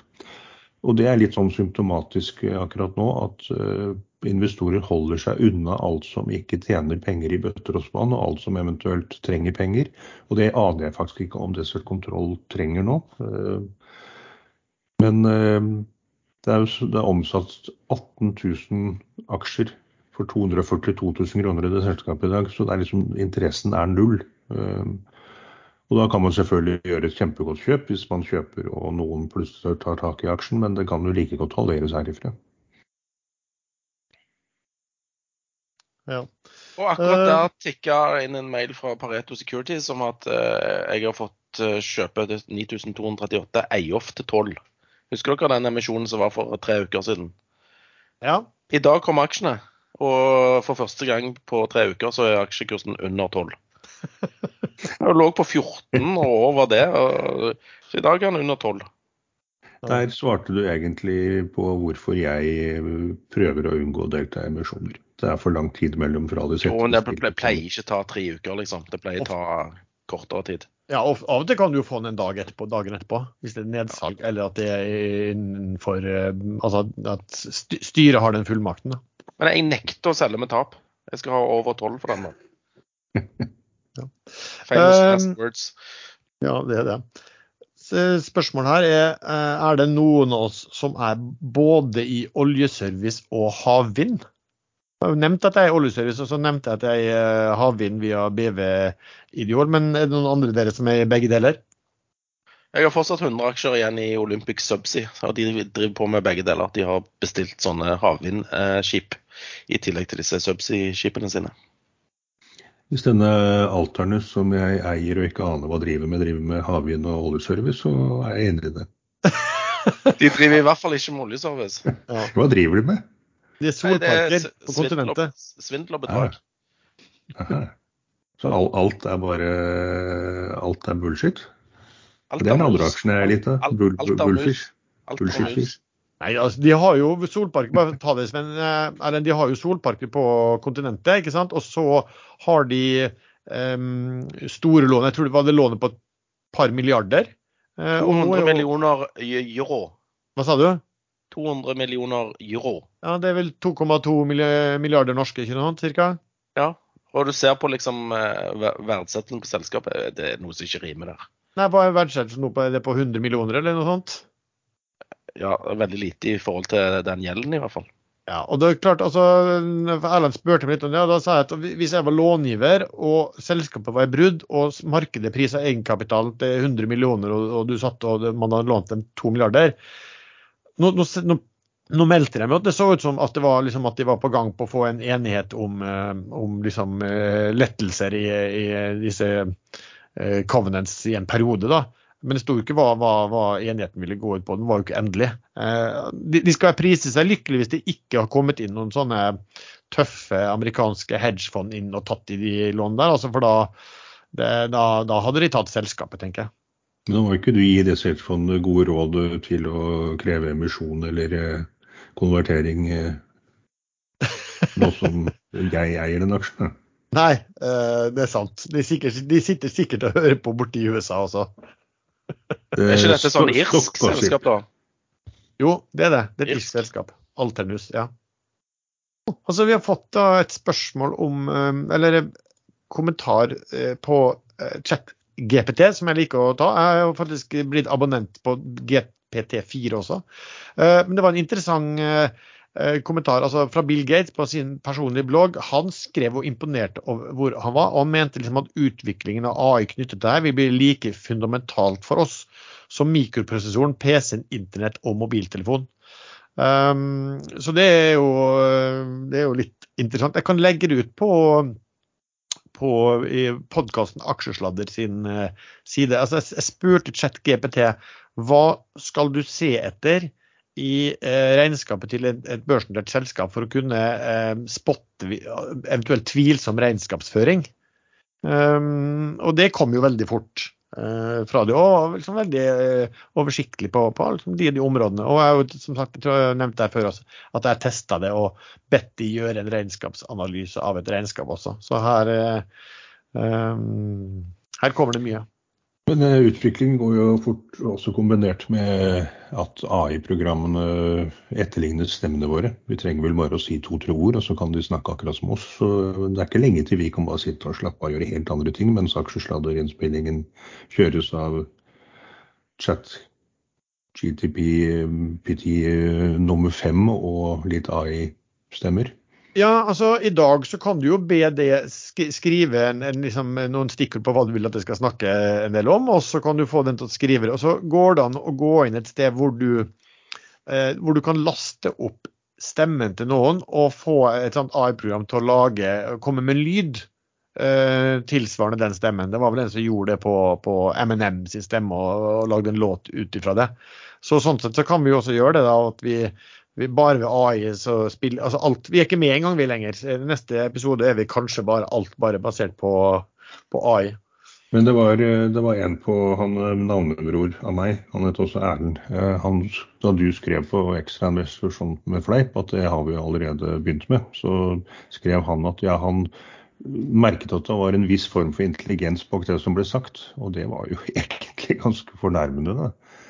Har du sparket han ut av chatten, eller? Nei, altså jeg var vel mer overrasket positivt at han faktisk fant noen form, noen form for intelligens i det hele tatt. Ja. Det var da jeg kommenterte at du skjønte ikke helt hvor grov den fornærmelsen egentlig var. Jo da. Jo, jeg gjorde, jeg gjorde nok det. Man må jo forsvare seg som best man kan også. Um, annet spørsmål er Nei, jeg må ikke, jeg må ikke live denne chat-GPT-greiene ennå. For jeg har jo av og til snakka om eh, et robotselskap som jeg har putta penger i, som heter Halodi, men som nå har skifta navn til 1X. Jeg vet ikke hvorfor. Men der kom det jo nyhet i går at eh, en gruppe investorer, primært amerikanske, har putta inn 250 mill. kroner i 1X-selskapet, ledd by OpenEye. Og OpenEye er jo de som da har laget chat-GPT. Yes.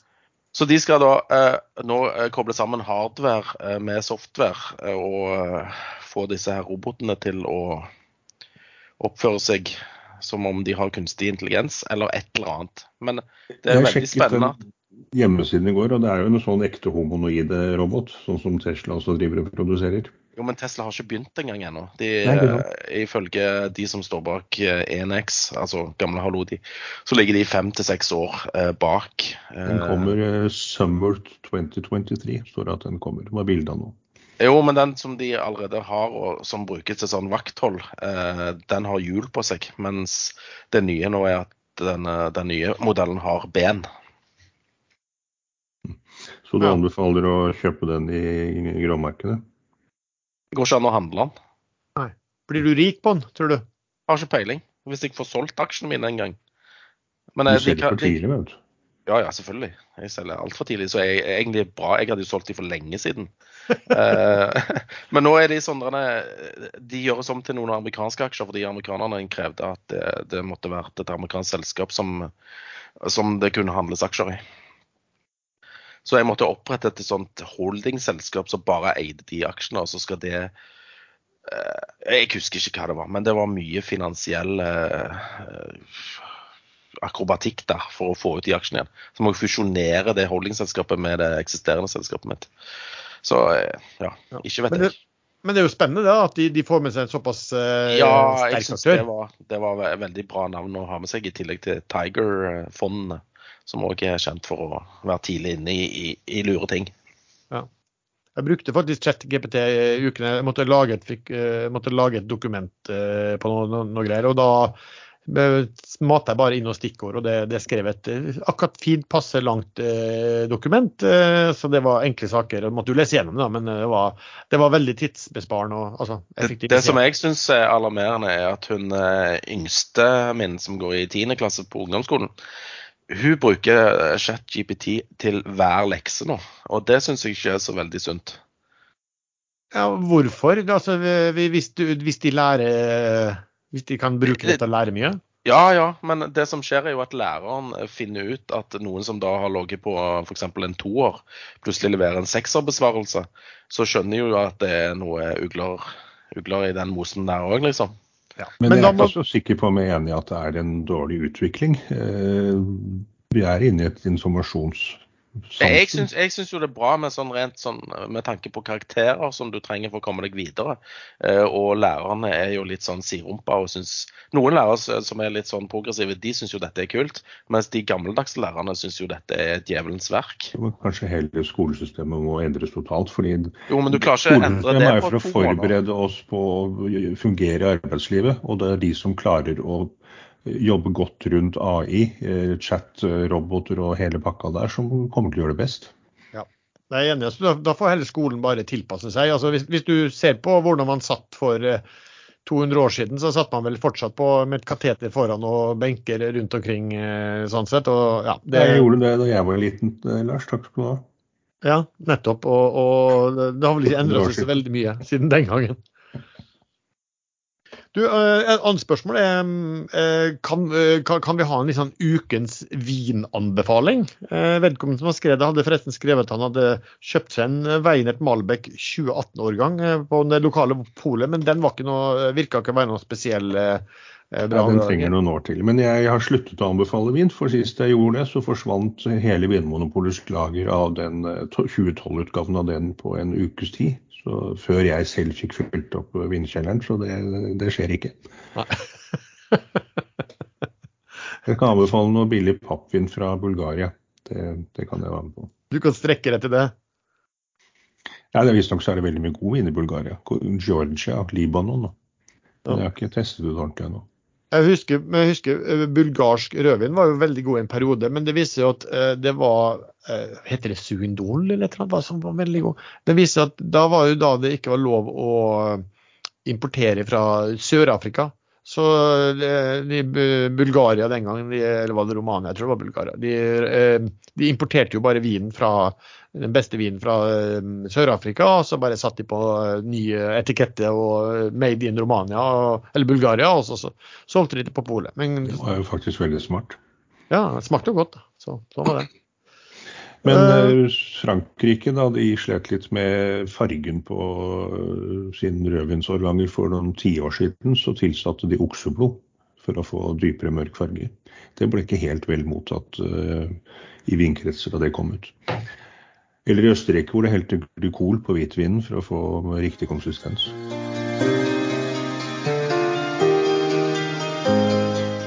Aksjesladder sponses av IG. Hvis du ikke har kommet i gang med din trading hos tradingmegleren IG ennå, kanskje kjenner du at du vil ha litt mer informasjon eller kunnskap før du kan ta tradingen din til et nytt nivå. Da har du muligheten til å utvikle dine tradingegenskaper med IG Academy på ig.com. Der finner du gratis tradingkurser og webinarer. Gå ikke glipp av sjansen til å delta på noen av IGs ulike partnerwebinar. Nå på førstkommende tirsdag, 28. mars klokken 12, kan du delta på et webinar med Rikard Paulsen og Espen Grønstad, der de skal snakke om trender og investeringsmuligheter i 2023, samt hvordan man kan bruke kvantitative analyser som tradingstrategi. Meld deg på webinaret. Lenken ligger i beskrivelsen til denne episoden.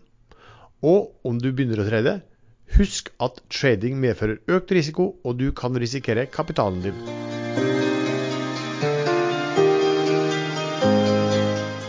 Er det noe annet dere har lyst til å snakke om, eller skal vi kaste oss over uh, ukens uh, favoritter?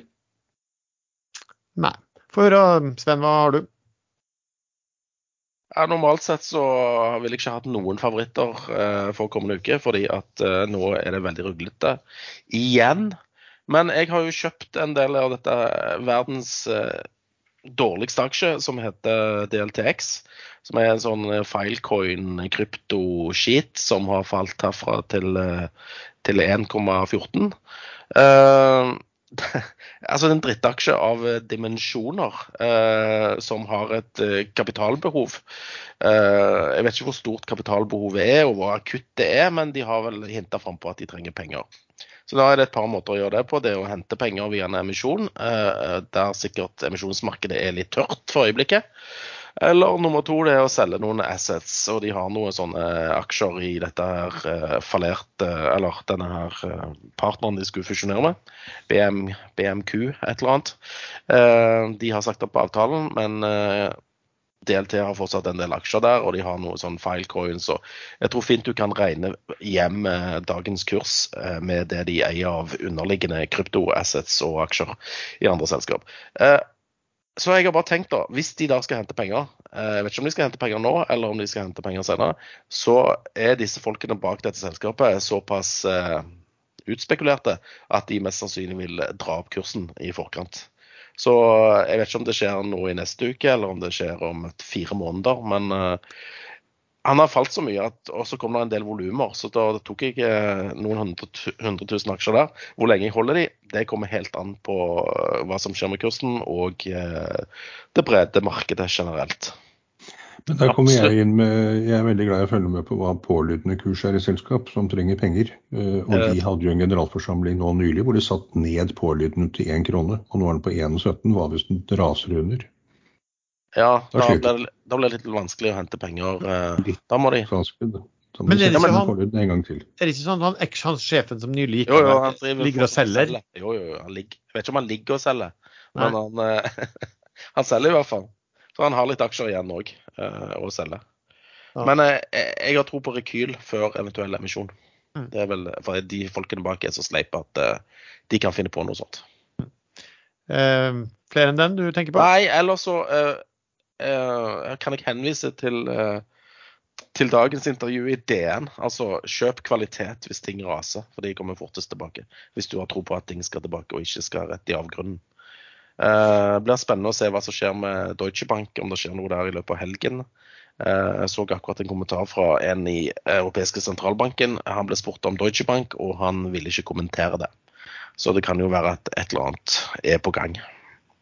Men bare for å nevne under finanskrisen så, så var det de store, tunge aksjene som gikk best og hentet seg inn, mens alt uh, small cap og jalla-aksjer ble liggende helt nede i grøfta lenge, lenge. Ja. Så da lærte jeg av det til koronakrakket kom, og holdt meg helt unna de små aksjene. Uh, men da var det faktisk de som gikk fortest og best. Idex f.eks. gikk jo tigangeren, Swipe gikk tigangeren. Men nå var det, det koronakrasjet var jo litt ekstraordinært, da. Det var det. Og det gikk fort. Kom aldri en dobbel bunn heller der, som det normalt sett skal. det, var, det var det mange som venta på. Jeg venter ennå. du får den snart. OK. Uh, Erlend, har du noe spesielle Nei, dette er risk-off. Er, eh, jeg, har, eh, jeg, har, litt i Alternus, men der risikerer jeg å gå på en smell hvis de plutselig må konvertere kjøre en emisjon på lav kurs. Uh, og så har jeg litt mer enn halvert i bullfisk, uh, biofish, mens vi har snakket sammen. Så lite. Var det du, var det du som lempa på 1,20?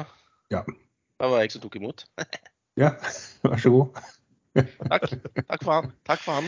Men jeg hadde snittkurs på 1,14 inngang, og når det er eh, såpass risikofullt som markedet er nå, så tjente jeg penger på det. Og da tenkte jeg at da Jeg har igjen 80 000. Så får vi se åssen det går. Du, jeg, jeg, kan godt legge opp 80, så kan du bare lempe på hvis du vil. Nei, men du er enig nå- nå, nå Hvis, du- nå eh, du hvis det virkelig krakker her nå, så, så går jo bunnen ut av den nå. Da. Ja, ja, selvfølgelig gjør han det. Så det var Ok. better safe than sorry. Eh, Jeg, jeg, tar, jeg føler ikke at jeg taper penger på å ikke være med opp. Men jeg vet at jeg taper penger på å være med ned. For min del er det også litt sånn eh, Det gjelder fortsatt ABCDF, vær forsiktig, pass på pengene. eh, Men når vi er ferdig med sendingen nå, eh, for når vi spiller inn, så er det ikke så lett å følge med, så er det en, noen aksjer som jeg kanskje kan vurdere å kjøpe. Altså, Hafnia har jo vært eh, gull, solgt meg ut, og nå har jo den kursen falt en eh, ja, falt nesten 10 fra hva jeg selger, ja, litt mindre enn det. da. Men eh, mulig at jeg kjøper den eh, nå i ettermiddag, eh, kanskje. Kan nevne en aksje som jeg fortsatt sitter på, som bare kom med en interessant eh, informasjon. Det er jo denne eh, Pasient-Sky, eller Patient Sky. eh, som jo har inngått avtale med danske EG om å selge store deler av virksomheten sin, og da guidet at de når dette gjøres opp i Q2, så skal de sitte mellom, mellom 3,2 og 3,6 kroner per aksje. Eh, altså, Songa, som eier Arne Blystad, har jo like lukket solgt en del aksjer på, på Det, det, det 2-7-tallet. du, du sa vi måtte si fra når du sa noe feil. Ja. Songa, som eier Arne Blystad.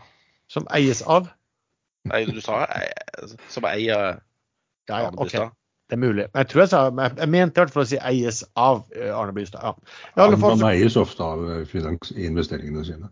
ja. så, kom, eh, så kom det melding i går om at eh, han Melin, som eier rett over 40% av selskapet, han har inngått avtale med noen aksjonærer om å kjøpe ytterligere, så han kommer eh, ytterligere litt over 10% av selskapet, til kurs 2,90. Og kursen i dag ligger da rundt 2,45. Men det er eh, basert på at eh, dealen går igjennom, altså gjøres, og at eh, så sto det også et eller annet kryptisk om at eh, man tar de beslutninger som bør tas i forhold til et eventuelt utbytte. Den siste virka veldig rart, da. Men i alle fall.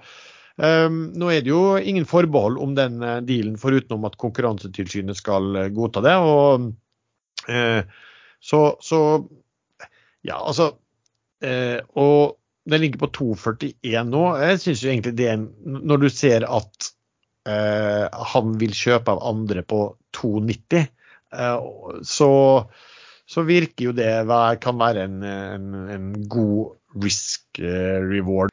Uansett, hvis den dealen går igjennom, om du så blir sittende på noen ting på 2,40 som eh, skal ha 3,2 til 3,6 cash pluss et eh, plattformselskap de har dytta mye penger i. Det trenger ikke å være så ille, men det, det er mye, mange som er redd for hva han eh, Melin kan finne på da, med, de, eh, med de pengene. Så vi får vel se. Um, som sagt, jeg, har det. Den, den er verdt å følge med på, men jeg sitter jo ikke og kjøper noe mer uh, nå på det. Den gikk jo, den gikk jo en del opp eh, når den meldingen kom, det 2,9-kjøpet, og så har den falt tilbake igjen til 2,40. Jeg ble litt irritert eh, når den gikk til 2, altså, når det 290-kjøpet kom. Ja, du, da tenkte du at nå går hele greia til 2,90 også? og du- Jeg hadde jo solgt Jeg hadde jo solgt på rundt det samme jeg kjøpte på. Ja. På 230-tallet et eller annet. Ja. Ja. Men nå er han jo bare ti øre over, så Ja. Det, det, det er egentlig et bra case, altså. Men du, han er foruts, eh, uforutsigbar, han uh, Melin, har jeg fått høre. Ja. Så jeg er litt sånn usikker på han, hva han kan finne på. Ja, men jeg tror det er greit å ha igjen. Altså Generelt sett, da, når du kjøper eh, selskap med de eh, nøkkeltallene der, så eh, blir det bra. Men noen ganger blir det eh, ikke bra. Det vet du ikke.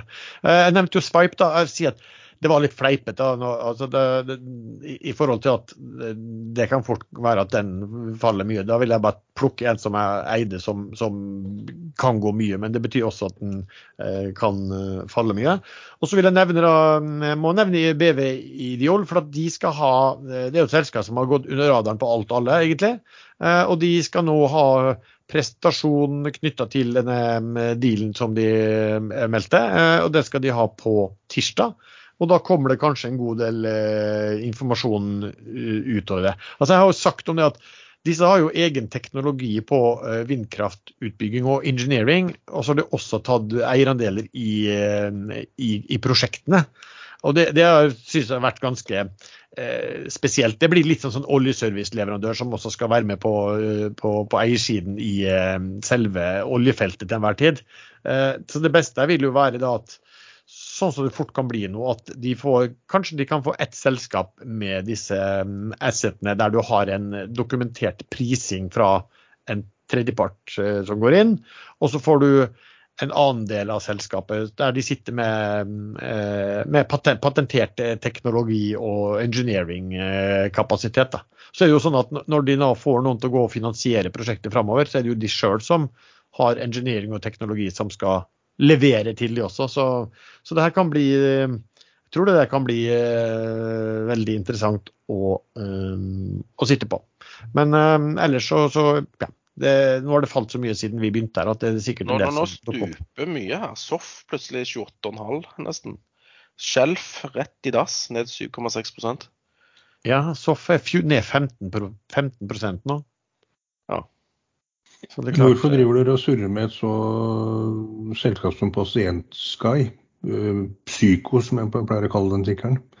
Jo, fordi det er en trigger der i form av at de har solgt eh, store deler av selskapet. De har ikke solgt, de har en intensjon. Ja, ja, ja. Nei, nei det, dette er helt feil. Det er helt feil. De har en firm avtale, og det er ikke finansieringsbehov. Eh, finansierings, det, det, det de skriver, vi har skrevet en avtale. Det eneste forbeholdet er at Konkurransetilsynet må akseptere det. Og Den er vel registrert hos, uh, hos uh, Konkurransetilsynet, og så tror jeg de har 25 dager på seg til å uttale seg om det. Og Jeg, jeg har egentlig ikke noe anelse om, om dette her er noe som er i hele tatt er noe fare hos Konkurransetilsynet, hvem vet. Men det er en firm avtale. Okay, men jeg vil tilføye at kursmessig så har jo kurshistorikken i det selskapet vært helt tragisk. og Alle har jo hele tiden sagt at der er det så mye verdier og dette blir bra, men den kursen har jo bare gått ned og ned. Eh, så jeg pleier å advare mot unknown unknowns i selskapet. Men her, det, her vil jeg tro at, at, det er known unknown unknowns. Og det, da holder jeg meg langt unna. Det, det stemmer jo ikke. Bud på 2,90, og så ligger han på, nå på 2,41. Hva er poenget med det? Jo, men det er fordi at uh, han har forbehold om at uh, dealen endelig går gjennom. Og så er det jo litt spesielt, altså det er veldig spesielt alt sammen med en, med en kompis, men det kan, det kan, være sånn at du sier at eh, han som, du må tenke på han som selger, da. Hvorfor skal han selge når det nettcasher mer? Jo, kanskje han er uenig med hva han med Lien har lyst til å bruke pengene til uh, videre. Altså, man sitter jo og kjøper man, Det er jo mange selskap som har Nav, som du selger på Nav godt under én på også. Så jeg, jeg ikke. sier at når dere har tapt alt, så ikke, ikke, ikke kom til meg og be meg vippse dere noen penger til, til frokostdagen etter det.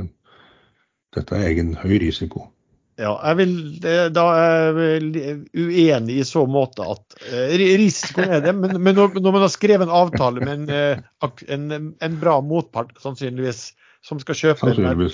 er mye mer, så vil jeg si at Det var også en unknown i den sannsynligvis. Ja. Nå, rører, nå, rører du bra her. Du sier at du ikke trenger komme til deg. Men trenger ikke, jeg kan bare sende vips request Jo, men den, den blir, Og så trykker du, du, trykker, du trykker bare 'godta', for du vet ikke hva det er.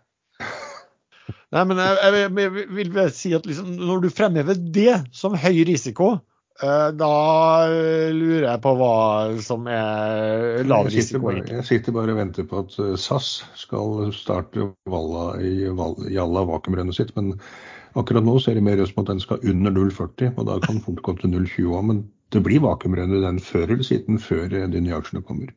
Ja. Det er lav risiko. Når vakuumrenn starter, så er ikke det høy risiko hvis man følger med. Nei. nei. Var det noe mer lurt på? Nei, var, nei, jeg ble, ble bare litt, eh, litt, satt, litt, satt, ut. Selv om jeg er ikke så uenig i det. Jeg er litt uenig i hvordan risken er på hvilke områder, men eh, at er en eierrisiko der, som er ganske stor, eh, det er jeg enig i. Og derfor er ikke kursen, eh, det er kursen mye lavere enn hva man ellers ville kanskje trodd. 28-10 nå i uh, SOF. Det bare smekkes ut. Den, ja, men den falt Ja, nå 28,5 nå. Ja. går du unna, Gunnar. Ja, det går uh, det går fort unna. Men, Men eh, vi ja. må få lagt på røret her nå snart. vi må det. For nå er vi inn og se om man Men det er, ikke, det er ikke så ille at du må legge på røret ennå. Nei, men eh, jeg, jeg, jeg forstår eh, liksom eh, logikken til Lars bak Patience Guy, men den så ikke du så det ikke ut som du skjønte. Nei, jeg, jeg, jeg får innimellom så, så putter jeg aksjer i en skuff, så tenker jeg at de skal jeg ikke røre. Og den har ligget der lenge. Ja, selv om det kommer ny informasjon. Ja, men jeg stoler ikke på informasjonen. Så, så enkelt er det. Jeg, jeg ønsker dere jo all mulig lykke Ja, til. jeg, jeg er ikke inne i den. Det, det er. Lars som opplegg. Så Ja, jeg- han tjener masse penger på denne her, så blir jeg sur.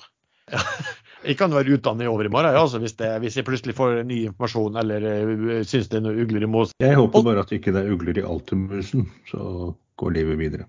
Alt er mus. Ja, hvis du skal si et, et sted hvor det virkelig har vært en del ugler, så er det vel der, kanskje. Men det er også. Ja, det, det, Den ville jeg vært mye mer skeptisk til enn den der eh, Ja, men den kan jeg ikke noe om, så derfor er jeg ikke skeptisk. Nei, det er Da er det er unknown, unknowns. Ja. Og med det så tror jeg vi takker så mye til deg som har lyttet til denne mm, episoden. Du treffer oss tre stadig chattene inne på Ekstrainvestor. Vi har også en eh, stor gruppe på Facebook som heter podkasten Aksjeradder. Musikken er som vanlig laget av sjazz.com, og vi høres.